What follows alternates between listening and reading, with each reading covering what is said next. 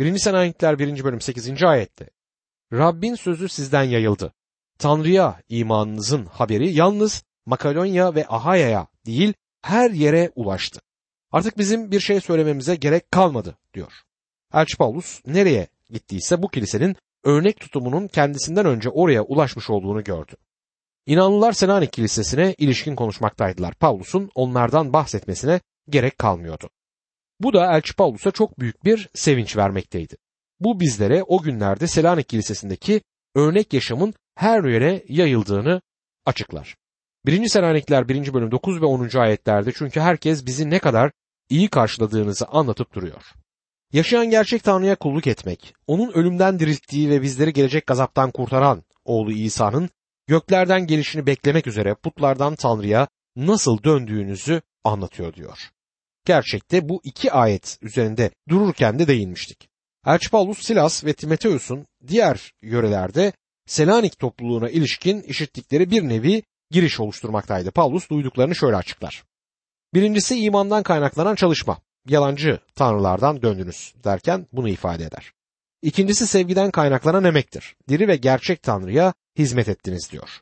Üçüncüsü de umuttan doğan katlanıştır. Onun oğlunu göklerden bekliyorsunuz derken buna işaret eder. Şimdi bu iki ayete bir başka bakış açısından bakalım. Elçi Paulus Selanik'e ulaştığında onlara bir seri haber getirdiğini bildirmedi. Apollo'nun, Venüs'ün ve Roma İmparatorluğu'nun diğer yapma tanrılarına eğilmenin yanlışlığından da söz etmedi.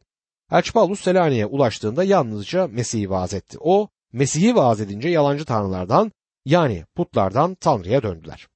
Putlardan Tanrı'ya döndünüz diyor. Bugünlerde tövbe etmek kurtuluş için kaçınılmaz ihtiyaçtır diye sıklıkla duyuyoruz. Tövbe ve inanmak gelişimdeki iki basamaktır. Aslında her ikisi de aynı pakette yer alır. Her ikisini de birlikte almanız gerekir. Elçi Paulus Mesih'i vaaz ettiğinde putlardan Tanrı'ya döndüler. Çok önemli bir gerçeği görmenizi isterim. Tanrı'ya döndüklerinde bu imandan kaynaklanan bir emekti ve bunu yapan imandı. Rab İsa Yuhanna 6. bölüm 29. ayette İsa Tanrı'nın işi onun gönderdiği kişiye iman etmenizdir diye yanıt verdi der. Bu insanlar putları ve puta tapıcılığı atarak Tanrı'ya döndüler. Bu tövbeydi. Tövbe Tanrı'ya dönüşü sağladı. Yani önce gelen tövbedir. Tanrı'ya döndüklerinde otomatik olarak yalancı tanrılardan da dönmüş oldular. Şimdi elini açık durumda avucun yüzüne bakacak şekilde tut. Şimdi elinin üst kısmına bakmak için elini çevir. Görüyorsun avucuna bakarken elinin üstünü görmek için çevirdiğinde otomatikman avucun senden uzaklaşıyor.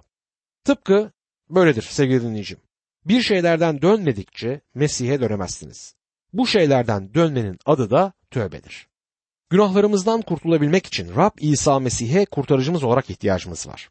Kişi ilk olarak günahı içinde yitik olduğunu bilmeli, bunu anlamalıdır. Kıyamet gününe dek oturup günahlarına ağlayabilir ama bu onu iyi insan kılıp yargıdan asla kurtarmaz.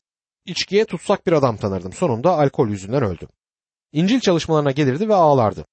Alkolik olduğunu ve bunun çok korkunç olduğunu anlatıp dururdu ama Mesih'e dönmedi. Çok fazla gözyaşı döktü ama bu durumu değiştirmedi. Şöyle bir öykü anlatılır.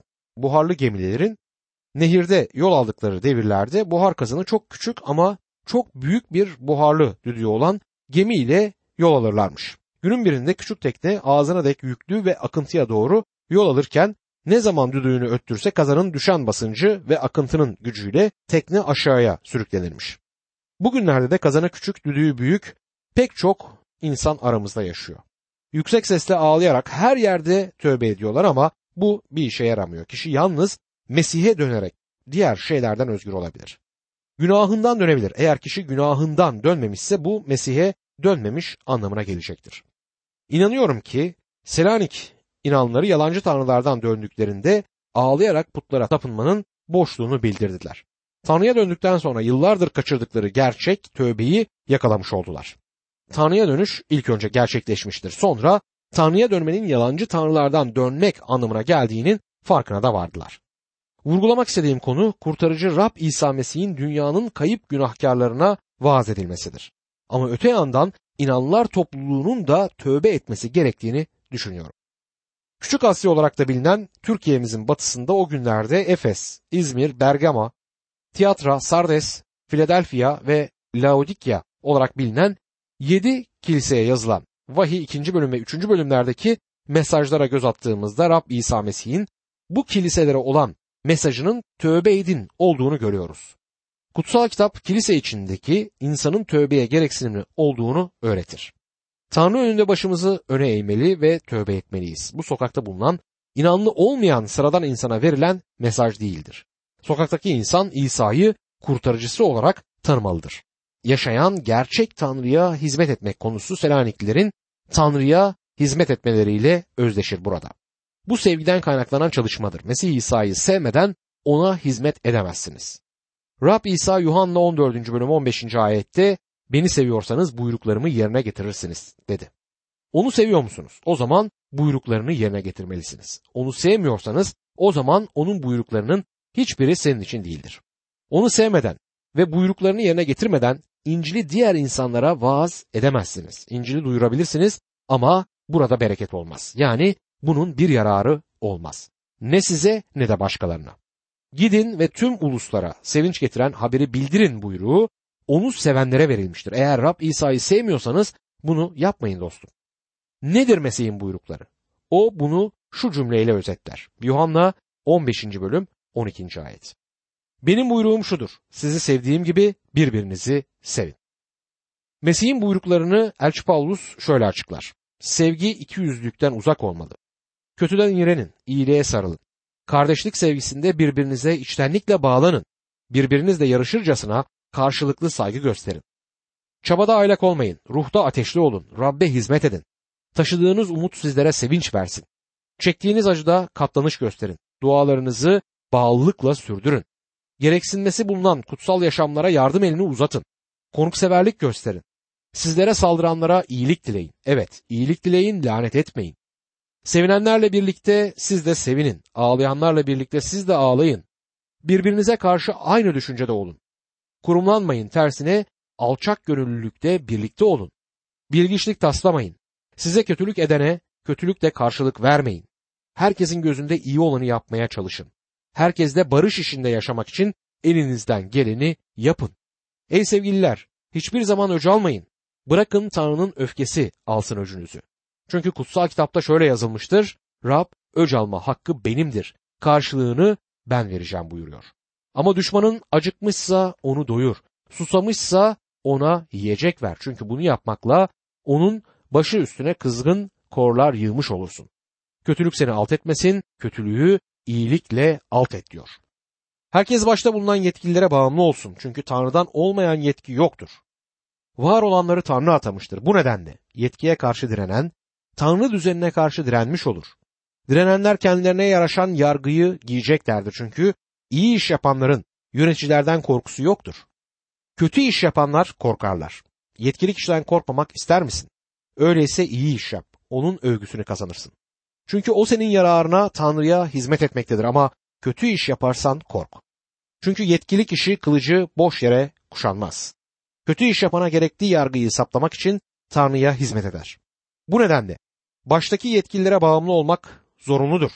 Salt yargılanma korkusundan değil, vicdan bakımından da vergi ödemenizin nedeni de budur.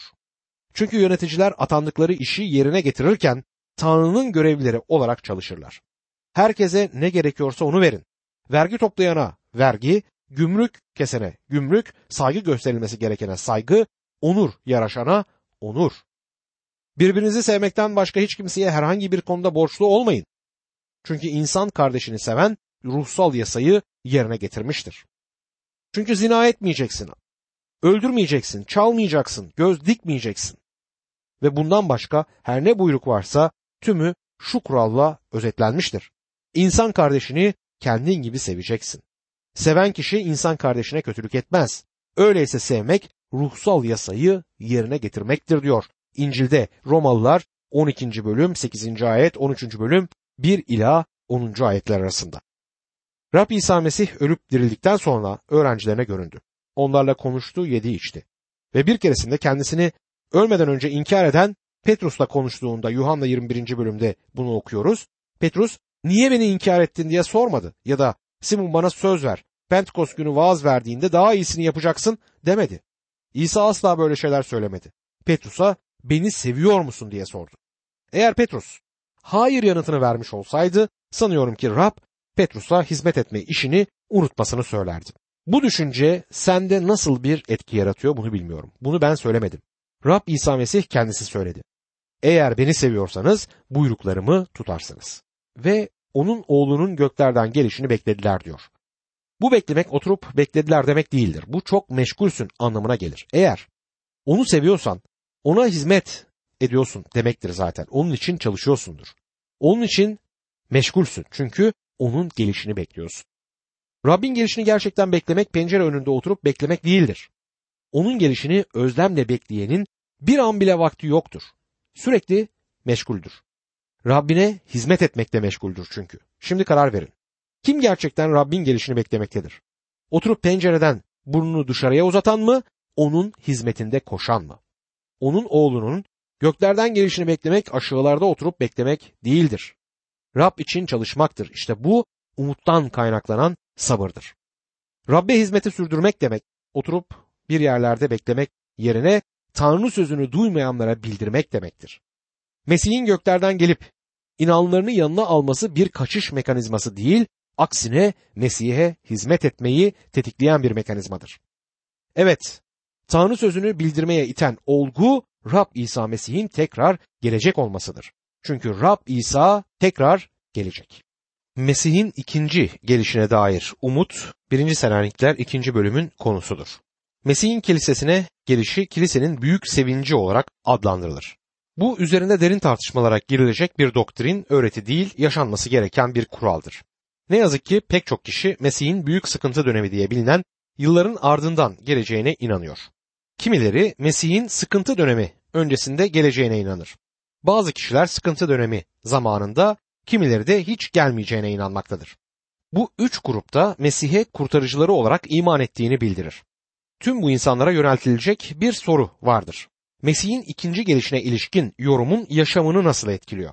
Eğer inandığın görüş yaşamını etkilemiyorsa inandıklarını yeniden gözden geçirmelisin. Rabbimizin ikinci gelişini beklemek inanlının yaşamında en önemli faktör olarak yer almalıdır. 1. Selanikliler 2. bölüm 1. ayette kardeşler size yaptığımız ziyaretin boşa gitmediğini siz de biliyorsunuz der. Boşa gitmedi, sonuçsuz kalmadı demek yerinde olur. Elçi Paulus size herhangi bir teoriyi tanıtmaya gelmedik. Hiçbir yararı bulunmayan bir yenilgiyi açıklamaya da gelmedik der. Sizin birkaç gün hoş vakit geçirmeniz için eğlendirmeye de gelmedik. Gelişimiz iş olsun diye değildir der. Elçi Paulus Selanik'e gittiğinde pek çok kişi Mesih'in kurtarıcı özelliğini tanımıştır. Bu kiliseyi kurmuştur. Elçi Paulus yalnızca bir teoriden, filozofça sözlerden bahsetmemiştir. Selanik'te çalışan onun sözüne ettiği şey işlevsel, insanın yaşamını değiştiren bir konuydu. Mesih'in sevinç getiren haberi Selanik sokaklarından aşağıya yürüdü, yüreklere, evlere, erkeklerin ve kadınların yaşamlarına girdi. 1. Selanikliler 2. bölüm 2. ayette bildiğiniz gibi daha önce Filipe'de eziyet görmüş aşağılanmıştık ama şiddetli karşı koymalara rağmen tanrısal müjdeyi size duyurmak için Tanrımızdan cesaret aldık diyor. Burada kullanılan sözcük agoni sözcüğüdür Grekçe olarak. Bu karşı koyma, sıkı mücadele anlamını taşır. Elçi Paulus'a pek çok kişi karşı çıkmış ve sıkı bir mücadele olmuştu. Selanik'e gelmeden önce. Elçi Paulus'a Filipe'de utanılacak davranışlarda bulunuldu. Bunu Elçilerin İşleri 16. bölümde okuyoruz. Ama Selanik'e geldiğinde cesaretle doluydu. Bir başka deyişle önceden hoş olmayan deneyimi onu frenlememişti. İncil'deki buyrukları duymamazlıktan gelmedi. Bu korkunç deneyimin ardından düşüncem değişti. Bundan böyle daha dikkatli olacağım ve daha az konuşacağım demedi. Hayır, Elçi Paulus gizli inanlardan değildi. Filipe'de yaptığı gibi yüreğinde olanı olduğu gibi söyledi. Tanrı'nın müjdesini hiç çekinmeden insanlara duyurmaktaydı. Elçi Paulus'un bunu nasıl kolay yolla gerçekleştirdiğini görüyor musunuz? Yeni dostlar kazanmayı ve kişilere etki etmeyi yeğlemedi. Dikkatli olmak maskesiyle kabuğuna çekilip gizli bir inanlı gibi de yaşamadı. Nabza göre şerbet vermek, yağcılıkla iş yürütmek Paulus'un yöntemi değildi. İncil'i cesaretle vurguladı. Önceki tecrübesi, görüşleri, yöntemini etkilemedi. Şimdi onlarla beraberken Tanrı sözünü bildirmektedir. Tanrı'nın sevgisini, lütfunu, kayrasını duyuruyordu. Çünkü Elçi Paulus insanların bu lütuf aracılığıyla kurtulacağını biliyordu. Bu nedenle de onun yüreği yanmaktaydı. Elçi Paulus insanlar Tanrı sevgisini görsün ve bu sevgiyi yaşamlarına alsınlar istiyordu. Paulus İsa Mesih inanlarına eziyet etmek için Şam'a giderken yolda ölüp dirilen Rab İsa Mesih ile karşılaştı ve bundan sonra da hepimizin tanıdığı büyük vaiz oldu. Yani iman edişinin ardından Şam yolundaki büyük bir vaizdi. Müjde hizmetine başladığında Kıbrıs'ta önüne çıkarıldığı valinin önündeki vaazı büyük bir vaazdı. İlk hizmet gezisi sırasında Pisitya Antakya'sında sinagogda verdiği vaaz da çok büyük bir vaaz oldu. Bu vaazlar gerçekten de büyük vaazlarından birkaçıdır. Sonra Atina'da Mars tepesinde verdiği vaaz, Korint kentindeki savunması ve Efes'teki Tranis okulundaki vaazları vardır. Tüm bunlar büyük vaazlardır. Elçi Paulus'un tutuklanarak Yeruşalim'e getirildiğinde ve Felix, Festus ve Agrippa'nın önüne çıkarıldığı zamanlar onlar önündeki söylevleri de harika mesajlar içermekteydi. Efes Kilisesi ihtiyarlarına verdiği konuşma da muazzam bir konuşmadır. Her mesajında Mesih'i tanıtmak bulunur ve onun ölümünü ve dirilişini konu alır. Eğer Elçi Paulus'un büyük vaazını seçmem gerekirse bunlardan hiçbirini seçmezdim. Bunun yerine Selanik'te yaşadığı yaşamı ele almak en doğrusudur. Onun en büyük vaazı yazmak ya da konuşmakla yapılanları değil, yürümesindeydi. Sergilemekte değil, deneyimde, mesleğinde değil, uygulamalarındaydı. Yakup'un metninde yapılan işlerle kanıtlanmayan iman kendi başına ölüdür den yola çıktı ve Selanik sokaklarının taş kaldırımlarında bununla yürüdü. Her inanlı bir vaizdir. Eğer bir Mesih inanlısıysanız aynı zamanda bir vaizsiniz. Bundan kaçamazsınız. Yaşadığın yaşamla birilerine bir şeyler söylersin. Belki yaşamın evinde çocuğuna bir şey söyler. Sanıyorum bugün pek çok gencimizin dünyanın otobanlarında, caddelerinde, çıkmaz dar sokaklarında olma nedeni yani gençliğinin bozulmasının nedeni budur. Evde anne babayı gözlediler ve onlardan biri gibi olmak istediler. Sonunda sokağa çıktılar. Yapabileceğiniz en büyük vaaz yaşamınızla verdiğiniz vaazdır. İnsanlar sizin sözlerinizi değil yaşamlarınızı gözlerler. İnsanlara yine sözlerin değil yaşamın örnek olmalıdır. Elçi Paulus da inanlının yaşamı herkes tarafından okunan açık bir mektuptur diye yazar. Paulus 3. ve 4. ayetlerde Selaniklilere ne vaaz ettiğini söyler. Onlarla olan bağına değinmektedir. 7. ayete göz atarsak orada onlar için bir ana hat olduğunu görüyoruz. 11. ayete geldiğimizde Paulus'u onların babası olarak görürüz ve 14. ayette onları teşvik eden kardeşleridir. 1. Selanikler 2. bölüm 3. ayette çağrımız yalana ya da kirli bir amaca dayanmıyor. Bunun hileli bir yönü de yoktur diyor. Aldatış yoktur. Buradaki kullanımda Paulus'un öğüdü bozuk ya da karışık değildi. Paulus İncil'in mesajına asla su katmadı. Nabza göre şerbet veren birisi değildi Paulus. Daha önce de söylediğimiz gibi. Beni şaşırtan ve hiç hoşuma gitmeyen bir konuda bazılarının belirli bir yerde İncil'i açık bir şekilde vaaz ederken bir başka grup karşısında aynı konuşmayı farklı şekilde, farklı renklerde değiştirmesidir. Elçi Paulus'un gerçeği bu değildir. Onun öğüdü aldatmaktan kaynaklanmaz. Elçi Paulus'u yönlendiren aç gözlülük değildi. O Selanik'e para toplamak ya da şan şöhret kazanmak amacını gülerek gitmedi. Kişisel rahatını kovalamakta onun amacı değildi ancak saf motivasyon taşıyarak oraya gitti. Bu düşüncede aç gözlülüğün izi bile yoktur. Elçi Paulus ne de kurnazlıkla geldim der. Onlara karşı yanlış sakat yollar kullanmadı. Kendi üstün standartlarını, ön yargılarını koymadı. Ön planında bu yaklaşımlar yoktu. Eski Adem'in tüm işlerini ve günahlı bedenin eğilimlerini sıyırıp attı. Bu noktada pek çoğumuzun Elçi Paulus'tan öğreneceği noktalar vardır. Bir zaman çok ünlü bir vaiz tanıdım. Ancak bu adama karşı saygımı yitirdim. Bir zamanlar hizmet ettiği kiliseye giderek o an görevde olan vaize karşı çıkan kişileri destekledi. Elçi Paulus asla buna benzer bir çalışma yapmadı. Kutsal sözü halka herhangi bir kurnazlık yoluyla samimiyetsizlikle sunmadı. Kutsal sözü öğreten kişi kendi kendine şu soruyu sormalıdır. Ben aldatış, iğrenç güdüler ya da kurnazlık, samimiyetsizlikle mesajı veriyor muyum? Kendi kendimize açık yürekli olmalıyız. Kendi motivasyonumuzu kontrol etmemizde yarar var. Dostlar kazanmak ya da halka etki etmek amacını güdüyorsanız bu yanlıştır. Yoksa gerçekten Tanrı sözünü mü vermeye çaba harcıyoruz? Dostum itiraf etmeliyim ki ben de bu alanda çok çok hataya düştüm. Beni çivi gibi yere neden çakmadı diye Rabbe hayret ediyorum doğrusu ama Rabbe minnettarım. Yukarılara ona bakabilirim ve şöyle seslenebilirim. Ya Rab hataya düştüm. Seni başarısızlığa uğrattım ama buna rağmen senin sabrın ve lütfun devam etti. Elimden geldiğince vermeye çalıştığım sözlerini Eğer daha iyi yapabilirsem yapacağım bundan sonra ama tüm çabamı harcıyorum en iyisini vermeye. Çünkü Rab senin lütfun benimle diye dua etmeliyiz. 1. Selanikliler 2. bölüm 4. ayette tersine Tanrı tarafından müjdeyi emanet almaya layık görüldüğümüz için insanları değil, yüreklerimizi sınayan Tanrı'yı hoşnut edecek biçimde konuşuyoruz der. Harika olan şudur bu bölümde. Elçi Paulus Selaniklilere şöyle diyebiliyor. Size geldiğimde bilmenizi istiyorum ki üstün bir amaç taşıyordum. Paranızı almaya gelmedim. Ne de besili kuzularınızla sefa sürmeye gelmedim.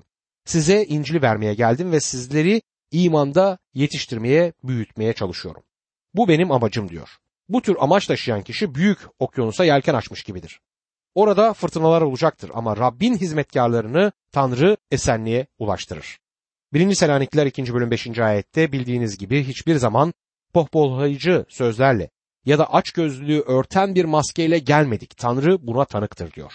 Elçi Paulus açgözlülüğü gizlemeye yarayan herhangi bir maskeyi kullanmadı. Sunulan bir hizmete karşılık bir şey beklemenin doğru olmadığına inanıyorum. Elçi Paulus da bu görüşteydi. O hiçbir karşılık beklemeden Rabbin sözünü duyurdu. Bunu Selanik'teki inanlara belirtir. Ancak şunu da unutmamak gerekir ki aldatıcılık maskesi türlü türlü renklerde olabilir. Kişiler şöhret ve onur kazanmak amacını güdebilirler. Yüreklerimizi araştırıp bu tür örtüleri kaldırmakta yarar vardır. Birçok üniversitede onursal doktor ünvanları dağıtılır. Okul bu yolla para bağışı ya da başka bir destek bekler. Eğer tüm doktora ünvanları hakla elde edilmiş olsaydı iyi olurdu ama durum şu anda farklı. Ama onur ünvanlarının gerisinde bir çıkar sorunu görünüyor. 1. Selanikliler 2. bölüm 6. ayette insanlardan ne sizden ne başkalarından gelecek övgünün peşinde de değildik der Paulus. Elçi Paulus hiçbir zaman onur kazanmanın peşine düşmedi. Yani herhangi bir onur peşinden koşmadı. Hiçbir onur derecesiyle insanlar tarafından onurlandırılmadı. Onun amacı saf ve arıydı. Onun tüm isteği Tanrı'nın iyi haberini insanlara iletmektir ve kendi yaşamında da imanını korumak ve Rabbe yaraşır bir yaşam sürmekti. Selaniklilere 2. bölüm 7. ayete geldiğimiz zaman elçilik hizmetinin annelik yönü görülür. Elçi Paulus 7. ayette şöyle yazıyor. Mesih'in elçileri olarak size ağırlığımızı hissettirebilirdik ama çocuklarını bağrına basan bir anne gibi size şefkatle davrandık. Yavrularına bakan ana kuş gibidir. Burada kullanılan anne sözü Elçi Paulus'un Selaniklilere olan yakın ilişkisini canlandırır bu ayette. Size anne, ana kuş oldum diyor burada. Ne kadar büyük bir alçak gönüllülük örneği. Elçi Paulus Selanik Kilisesi'ne bir ananın çocuklarına yaklaştığı duygularla yaklaşmaktadır. Yarışilim kentine ilişkin Rab İsa Mesih Matta 23. bölüm 37. ayette şunları söylüyor. Ey Yarışilim! Peygamberleri öldüren, kendisine gönderilenleri taşlayan Yarışilim! Tavuğun civcivlerini kanatları altına topladığı gibi ben de kaç kez senin çocuklarını toplamak istedim ama siz istemediniz. Mesih kendisini çok değişik yollarla anlatmaktadır kutsal sözde. Kendisini koyunları için canını veren iyi çoban olarak niteler. O koyunlarını korur ve bir gün tüm sürüsünü hem emniyette olacakları hem de esenlik içerisinde olacakları kendi yanına toplayacaktır. Tavukla minik civcivleri örneğinde burada kullanır. Çocukluğum küçük bir kasabada geçti. Orada bazı komşuların birkaç tavuk beslediğini gördüm. Sonra da bahar yaklaştığında tavuğun altına yumurtaları koyup tavuğu kuluçkaya yatırdıklarını hala anımsarım. 21 gün gibi kısa zamanın ardından civcivler kabuklarını kırıp bir sürü oluştururlar. Bahçede avlunun her yakasında gezinir, toprakta eşelenirlerdi. Aniden bir yağmur bastırdığında anaç tavuk gıt gıt seslerini çıkararak civcivlerini kümese toplardı. Bazen buna fırsatları olmazdı. O zaman anaç tavuk onları kanatları altına toplar, ıslanmaktan korurdu. Yağmur onun tüylerinden geçmezdi. Böylece civcivler emniyetli olurlardı. Rab İsa Mesih kaç kez şu sözleri söyledi. Kanatlarım altına toplanın. Elçi Paulus işte böyle bir hizmetçiydi. O Selanik Kilisesi'ni bir ana sevgisiyle sevdi. Selanik'teki inanlılar onun değerli, sevgili çocukları, kardeşleriydi. Bugün de böyle hizmet eden kişiler vardır. Belki büyük yorumcular değiller ama Tanrı sözüne iman edip onu vaaz etmektedirler. Böylesi sadık ve deneyimli vaizler, hizmet edenler, dertte olanlara yardım elini uzatmakta, onlara teselli kaynağı olmakta çok yarar sağlamaktadırlar. Sana yardım etmesi için böyle birini bulduğunda ona yüreğini açmakta, derdini anlatmakta tereddüt göstermeyin dostum.